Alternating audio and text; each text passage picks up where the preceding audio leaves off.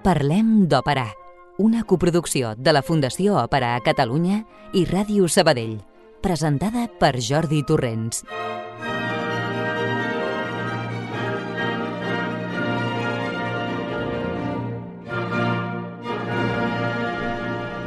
Hola, què tal? Molt bones. Tots bé? Esperem que sí. A un mes just per Nadal. Sembla que anem fent sprints de velocitat, eh? Doncs res, avui presentem la darrera missió d'aquest mes de novembre, la que fa el número, atenció, 499. Veieu fins on hem arribat, pas a pas, programa a programa, les portes del mig miler. Esperem haver fet un públic fidel durant aquests ja més de 12 anys que portem en antena, aviat està dit. Però deixem-nos de tot això, que ara no toca encara. Roger Benet, al control de so i qui us parla, Jordi Torrents, us donem una cordial benvinguda.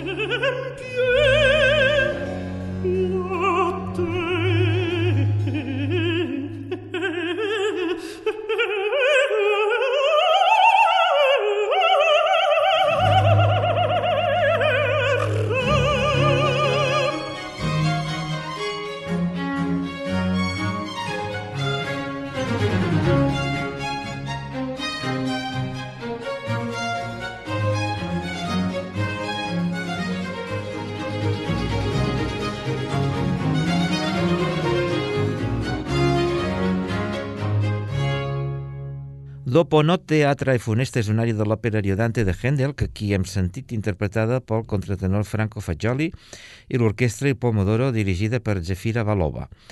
El cas és que en aquest programa us faré una crònica d'un mes de novembre intens pel que fa als espectacles que he tingut la sort i la joia de veure i un d'ells fou l'Ariodante en versió de concert que van programar al Palau de la Música Catalana el dijous 3 de novembre precisament protagonitzada per l'extraordinari contratenor argentí, del qual encara recordem el fabulós concert que va oferir el passat mes de gener al mateix escenari. I també l'orquestra i el Pomodoro, un conjunt barroc, ha estat la mateixa. Si bé en aquest cas dirigida pel famós director grec George Petru, un dels grans especialistes actuals en interpretació de música barroca. El resultat d'aquesta versió de concert d'Ariodante fou el següent. Una formació orquestral boníssima, magistralment dirigida per Petru, que va demostrar la seva qualitat com un dels majors especialistes en repertori barroc mm, de l'actualitat. Cal dir, però, que també dirigeix altres repertoris i és molt sol·licitat en els principals teatres d'òpera. Uh, el seu nom va unit al conjunt barroc Harmonia Atenea, del qual n'és director artístic des del 2012, però, òbviament, el seu camp és més ampli. Uh, Franco Fagioli, uh, ja el coneixem, va enlluernar amb el seu concert del gener i amb Mario Dante també. És un cantant extraordinari que transmet sentiments i domina les agilitats i coloratures barroques com ningú. És una mica com la Bartoli en home, ja que la seva gestualitat sovint és exagerada, però bé. En aquest Ariodante va brillar molt per sobre dels altres col·legues que es van mantenir, amb alguna excepció, la del baix Àlex Rosen, per exemple, a la mitjana més eh, absoluta. Però ja sabíem, i si no mireu els cartells anunciadors, que la cosa estava muntada per enaltir la glòria del contratenor argentí, probablement el millor de la seva corda en l'actualitat.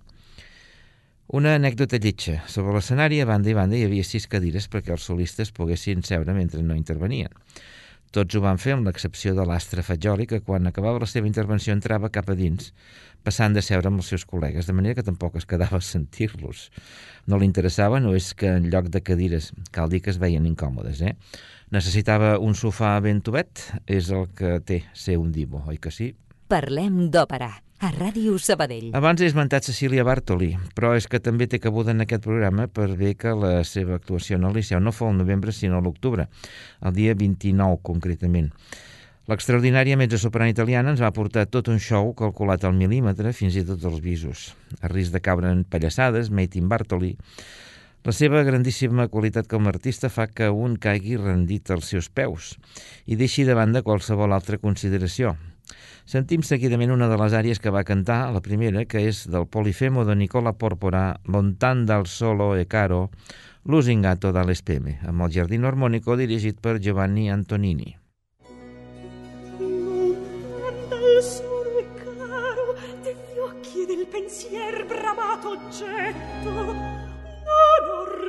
Il sen né pace all'alma. Inquieto lo sguardo impaziente il cuore cerca l'amata vista. Ogni modo ogni aspetto mi fa sperare. Mi inganna poi peggio non decurvarsi e sento lieto gorgogliare Ai, delusa speranza!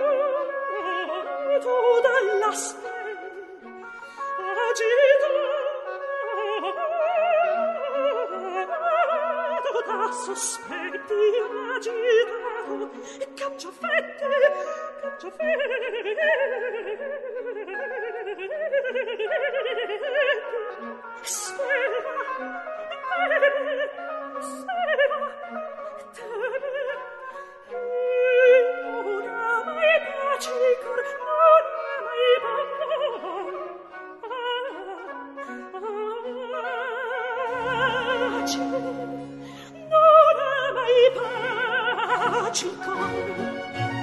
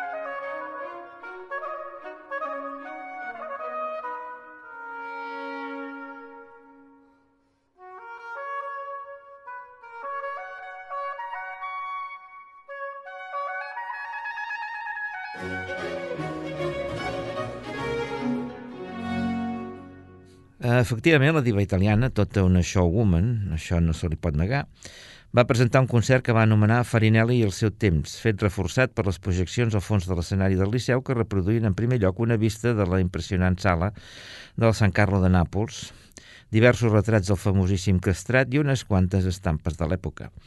La Bartolis canviava de vestit i perruques en un cantó de l'escenari on hi havia muntat un mini pseudo-camerino on ella procedia ajudada per un actor vestit d'època. Després s'alternaven les parts cantades amb les purament instrumentals, amb obres de Händel, Pòrpora, Hasse, Telemann i Vivaldi en les quals tothom, no només la Bartoli, sinó també uns quants dels solistes de l'orquestra van poder lluir el seu virtuosisme. Haig de dir que l'orquestra era les Musiciens du Prince Monaco, dirigits per Gianluca Capuano. Mica a mica la cosa va anar evolucionant cap al show habitual, on una Bartoli desmelenada perdia les plomes que lluïen el cap en un surrealista vestit final adaptat al que s'estilava en aquella època. Vocalment la veu, que sempre ha sigut petita, ja no és la mateixa que anys enrere. La senyora va començar molt jove, però ja ha fet els 56 anys. No obstant, segueix mantenint el virtuosisme tècnic quan a fiato, projecció, coloratures i altres malabarismes vocals. Per cert, que em va semblar que feia menys ganyotes de l'habitual. I jo estava a la fila 1, o sigui que li veia fins i tot totes les arrugues. Fa 10 anys aquest concert hagués estat apoteòsic, però no obstant ella sap perfectament com administrar i emetre el seu instrument de la manera adequada per portar al públic als seus peus, que és com vàrem acabar, aplaudint i brevejant aquesta gran artista que pot agradar més o menys el que fa, però mai se li podrà negar aquest qualificatiu. Parlem d'òpera, un programa per escoltar i aprendre a escoltar.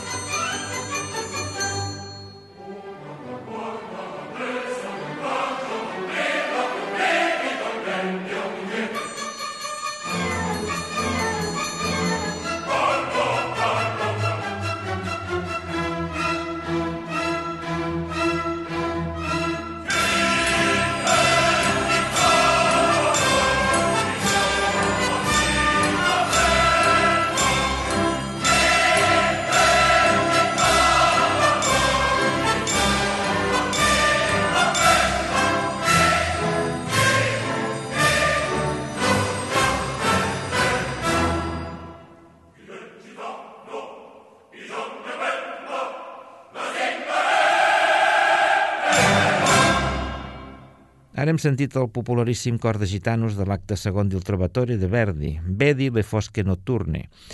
La interpretació anava a càrrec del cor i l'orquestra de l'Òpera de Roma sota la batuta de Thomas Shippers en un enregistrament del 1964.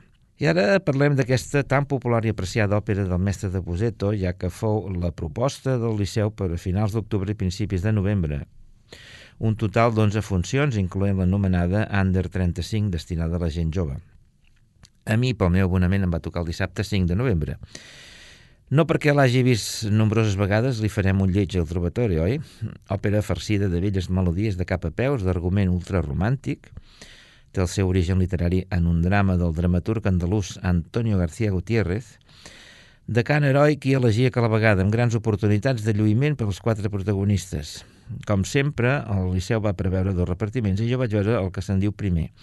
Així que vaig eh, eh veure en el rol de Leonora la soprano Sayo Hernández, que fa anys vaig entrevistar dues o tres vegades en aquest programa, quan començava, i aquí se li donaven moltes oportunitats, i aquí vaig tenir el plaer d'anar a saludar després de la funció, sempre simpàtica, càlida i propera. En les primeres funcions es va avisar que sortia d'un refredat, el mateix van dir amb la Bartoli, per cert. No sé si era això encara, però no la vaig trobar potser tan brillant com en les altres ocasions, quan no vol dir que no ho fes bé, i tant que ho va fer bé. El tenor italià Vittorio Grigolo fou el trobador Manrico, Grigolo té una veu molt agradable d'un timbre clar no gens freqüent entre els tenors. Altra cosa és com utilitzi aquesta veu, de vegades amb efectes una mica exagerats. També és una mica exagerada la seva gesticulació i actuació, una mica com un tenor d'abans. Però en conjunt em va agradar força. El Conte di Luna, del baríton andalús Juan Jesús Rodríguez, va estar, com era d'esperar, ple de noblesa i bon cant. Rodríguez és un baríton molt interessant, el qual veiem poc per aquí. La que no coneixia de res era la Metzoxenia Dudnikova, crec que russa de l'Uzbekistan, que va fer d'Azucena i em va agradar molt. Potser li faltava certa rotunditat en les notes greus, però va compondre el personatge de forma excel·lent en el meu parer. Molt bé el Ferrando del baix, baix? italià Gianluca Burato i complidors els comprimaris Maria Zapata Inés i Antoni Lliteres Ruiz. Dirigia musicalment tot un especialista en òpera italiana com és Riccardo Frizza, que va treure el millor de la partitura, sempre atent als cantants. La direcció escènica era de l'omnipresent forero Àlex Uller, encara que hi havia qui ho criticava molt, a mi el muntatge escènic en blocs rectangulars que pujaven i baixaven, ambientat en la Primera Guerra Mundial, és un dir, i amb una il·luminació extraordinària, firmada per Urs Schönebaum, em va agradar força tirant a molt. Bé, una bonica i entretinguda ballada de per italiana de la més clàssica. I ara us deixo amb la pira de Franco Corelli.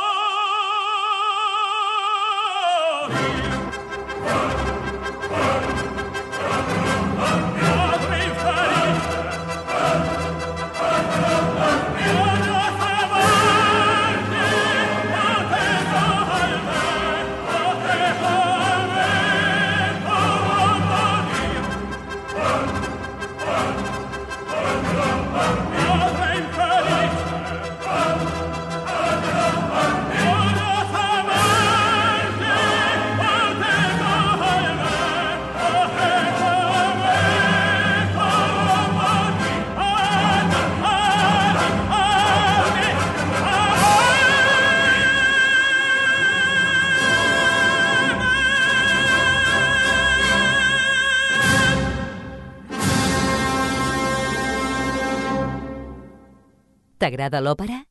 En parlem a Ràdio Sabadell. I aleshores va arribar el diumenge 13 de novembre, una d'aquelles tardes que un recorda tota la vida per la impressió causada pel que un ha vist, o millor dit, sentit. Era opinió unànima entre els afeccionats presents que feia temps que no es gaudia tant en el Liceu. Per mi fou així, ja que la majoria de les vegades, i amb alguna excepció aïllada, acostumo a avorrir-me bastant en el Teatre de les Rambles. El que vam veure va ser un concert de repertori dur, Wagner a la primera part i Strauss a la segona, a càrrec de tres grans sopranos. Les enumeraré per ordre de veterania. Waltraud Mayer, Irene Theorin i Lise Davidson. La Mayer, a Alemanya, té ja 66 anys. I el director artístic del Liceu va sortir a l'escenari per informar-nos que aquella seria la seva darrera actuació en el Liceu i Espanya i que retirava en 10 setmanes. Això va fer que el públic la rebés amb fortes ovacions. Va interpretar l'escena de Valtroite del Götterdammerung amb molta dignitat, malgrat que ja us podeu imaginar que la veu ja no és la que era però era molt senyora, molt artista. L'orquestra dirigida per Josep Pons la va tapar freqüentment, però què hi farem? Jo a la Mayer li tinc una apreciació especial perquè fou la meva primera Isolda a Bayreuth el 1997 i fins ara la millor. La sueca Irene Teorin ja sabeu que és molt estimada en el Liceu. Jo l'he pogut veure en Wagner i també en repertori italià, Turandot i la Joconda, on no la trobo tan bona. Va cantar una magistral mort d'Isolda precedida per una bona interpretació del preludi de Tristany a càrrec de l'orquestra. Però el plat fort era l'expressió del futur, d'un futur brillantíssim, sens dubte. La jove soprano noruega Lise Davidsen, de 35 anys, que venia precedida d'una gran fama, que jo tenia moltíssimes ganes de sentir. La Davidsen, una dona d'un metro 88, impressiona, però quan obre la boca, senyors, quan obre la boca emet una veu portentosa, impressionant, inenarrable. Suposo que com la de Birgit Nilsson i, o Kirsten Flagstad en el seu moment. Va començar ell el concert cantant les dues àrees d'Elisabeth de Tannhäuser, de Teure Halle, on va asturar tothom amb la seva potència, i la pregària al Machte Jungfrau, on a més a més va demostrar que sap igualment utilitzar la seva veu mestria en passatges de més recolliment. Impressionant, d'un altre món. Sentim-la en la primera d'aquestes àrees amb la Filharmonia Orquestra dirigida per S.P.K. Salonen.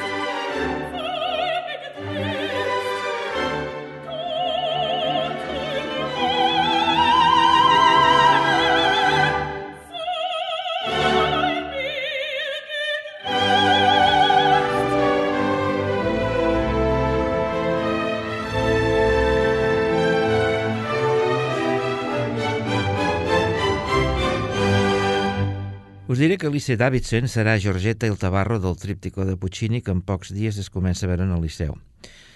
La segona part del concert va estar dedicat en exclusiva a Electra de Strauss, la primera i la darrera escena. La Teorin, en el rol que dona nom a l'òpera, tallava el bacallà donant-ho tot i excel·lint, malgrat que comença ja a declinar, té 59 anys la dona. La Mayer fou Clitemnestra i la Davidson Crisòtemis. Extraordinari és poc, i amb l'orquestra tocant aquest monument d'òpera amb una força descomunal. Bé, una ballada que recordarem tota la vida. Ja era hora. Torna a escoltar aquest programa a radiosabadell.fm.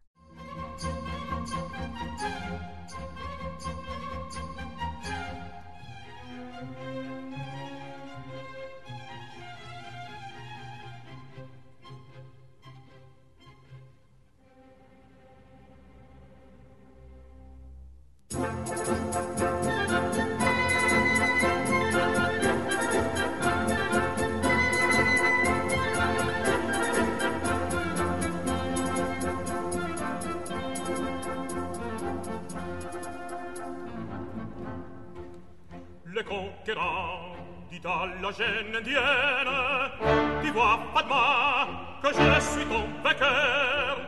Mais ma vertu doit respecter la tienne. Et ce respect arrête mon ardeur Va dire enfin à ta tribu sauvage L'étranger qui foule ici son sol. A pour devise, a pour devise Abstinence et courage. On s'est aimé, on s'est aimé On s'est aimé quand on était espagnol. On s'est aimé, on s'est aimé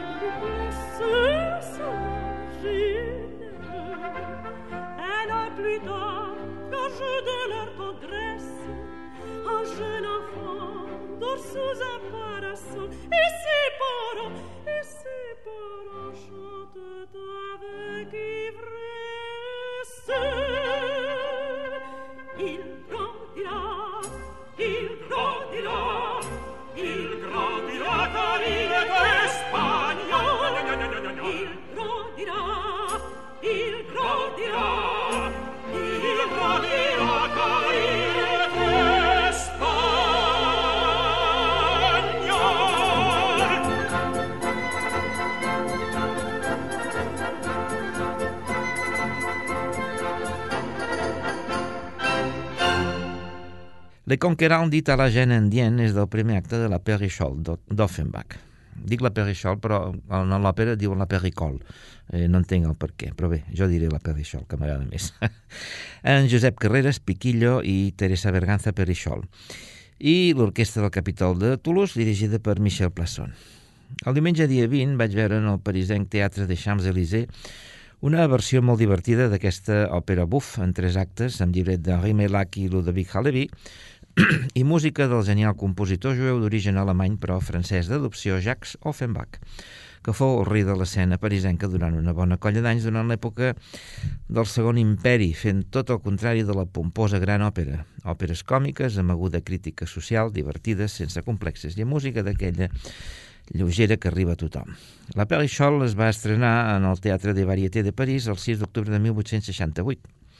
Narra la història de dos cantants de carrer, la Perichol i Piquillo, en el Perú colonial del segle XVIII, i les seves aventures provocades pel fet que el virrei, don Andrés de Ribeira, s'enamora bojament de la cantant, fet que dona lloc a situacions ben gracioses, adornades de precioses melodies i barrejades amb diàleg parlat.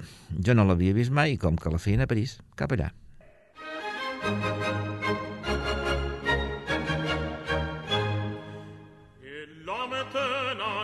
nous sommes seuls et tranquilles tous les trois, Pourquoi, messieurs les gentilshommes, dirions-nous pas à pleine voix Les femmes, les femmes, il n'y a que ça.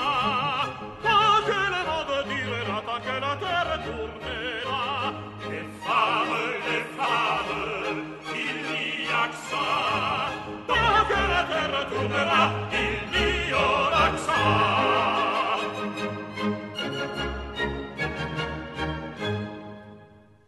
Voyez, messieurs, comme ils sont tristes, les gens qui rêvent le pouvoir.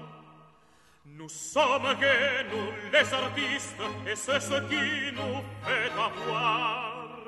Des femmes, des femmes, il n'y a que ça.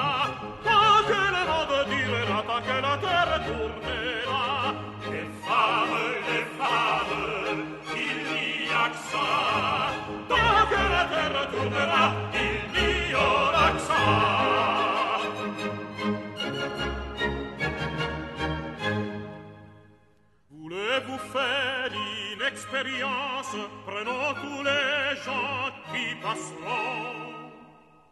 Demandons-leur à quoi ils pensent. Je parie du sou qu'ils répondront. Aux femmes, aux il n'y a que ça. Tant que le monde durera, tant que la terre tournera. Les femmes,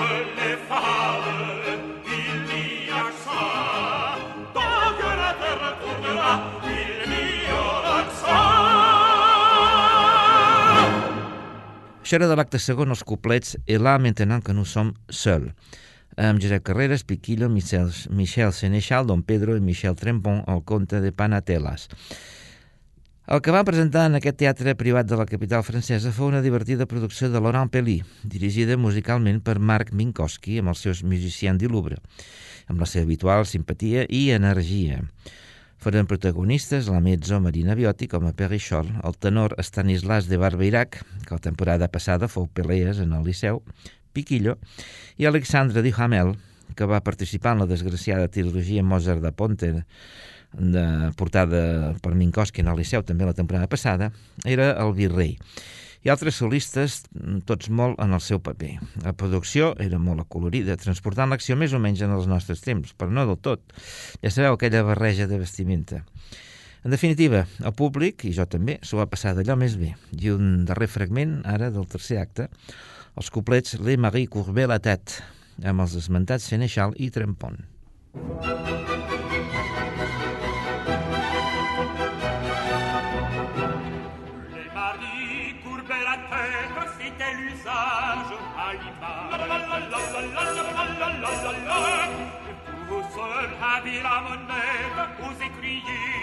Cette greur généreuse et pour la corporation, recevez notre excellence, recevez notre excellence, l'assurance, l'assurance de notre admiration.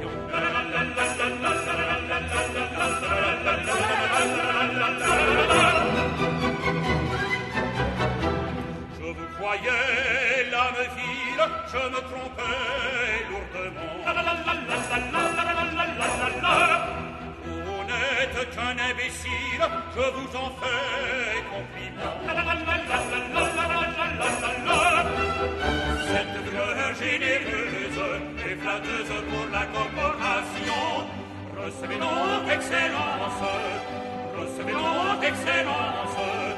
l'assurance, l'assurance de notre admiration.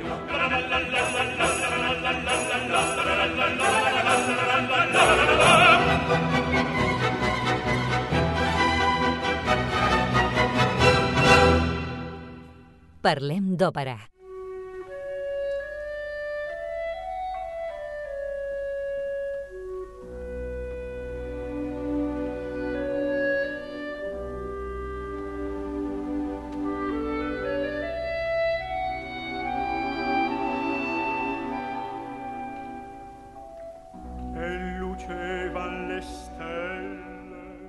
I parlant de sopranos dramàtiques noruegues, el personatge femení del mes de novembre també ho és. Avui parlarem d'Ingrid Björner, com eh, la seva compatriota Lise Davidsen també fou especialment activa en el repertori de Wagner i Richard Strauss. Va néixer a Krakstad el 8 de novembre de 1927, la vuitena de nou germans, en una família de grangers. Va simultanejar els estudis de farmàcia amb els de cant i es va fer notar en una actuació a la catedral d'Oslo, fet que la va empènyer cap al cant. Va anar a Alemanya per perfeccionar-se a Frankfurt i Düsseldorf. El 1956 va fer el seu debut professional a la ràdio de Noruega interpretant la tercera Norna i Gutrune al Götterdammerung al costat de Kirsten Flagstad. El 1957 debuta en escena amb Don Giovanni a Oslo.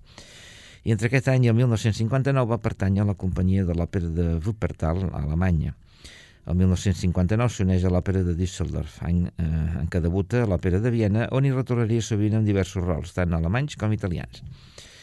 El 1960 es presenta als Estats Units, a San Francisco amb Lohengrin, i també a Bayreuth, amb diversos rols a l'anell, amb bon èxit de crítica. Va cantar a nombrosos teatres europeus i americans i el 1961 s'uneix a la Bayerische Staatsoper a Múnich, mateix any en què debuta en el Met amb Lohengrin que és la mateixa òpera que el 1965 li serveix per presentar-se a l'escala.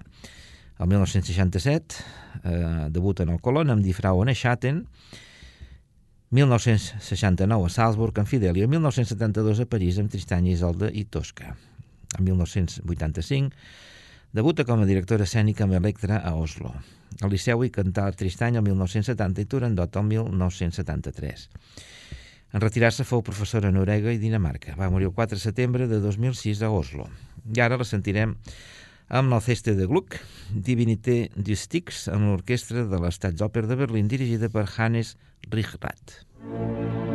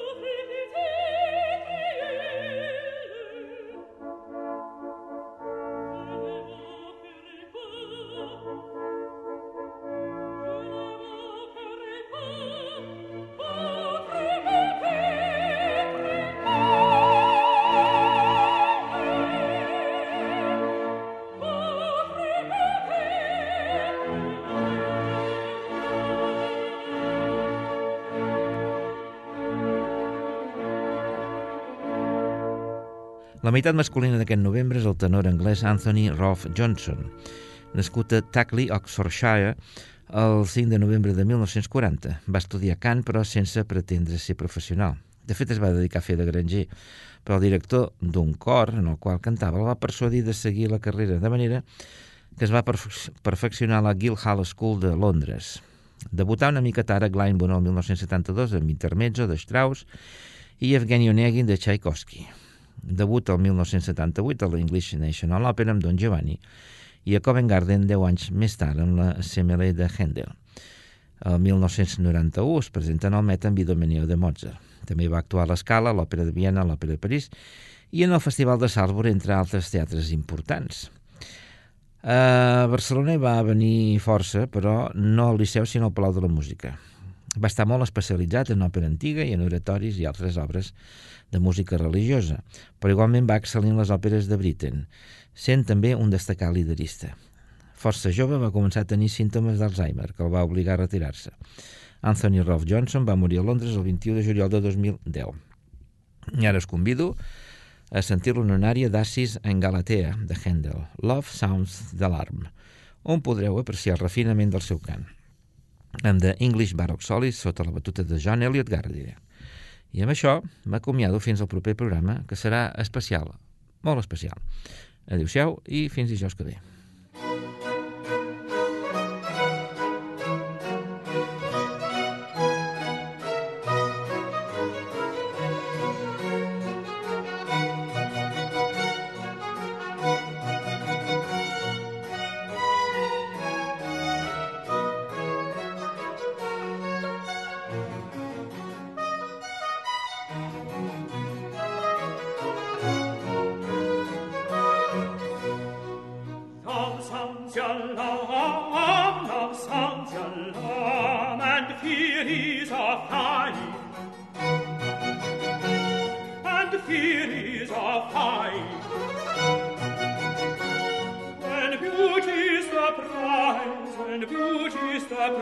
eyes on mortal fears dying. When beauty's the prize,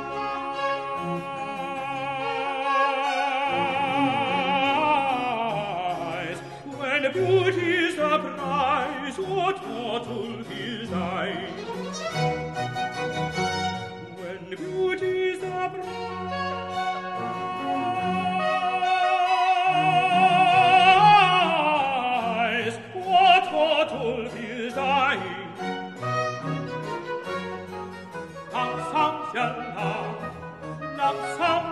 love, love sounds your love, and here is a God.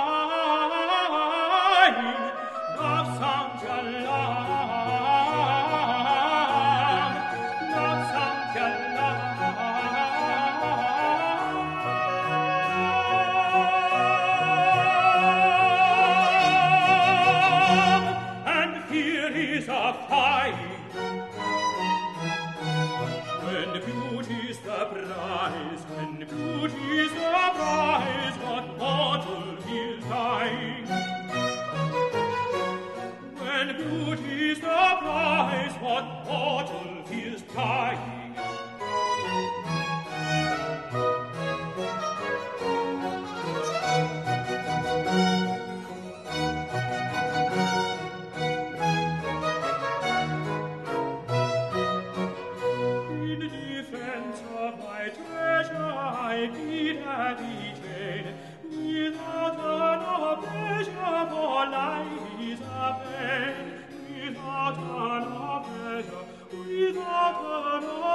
For life is a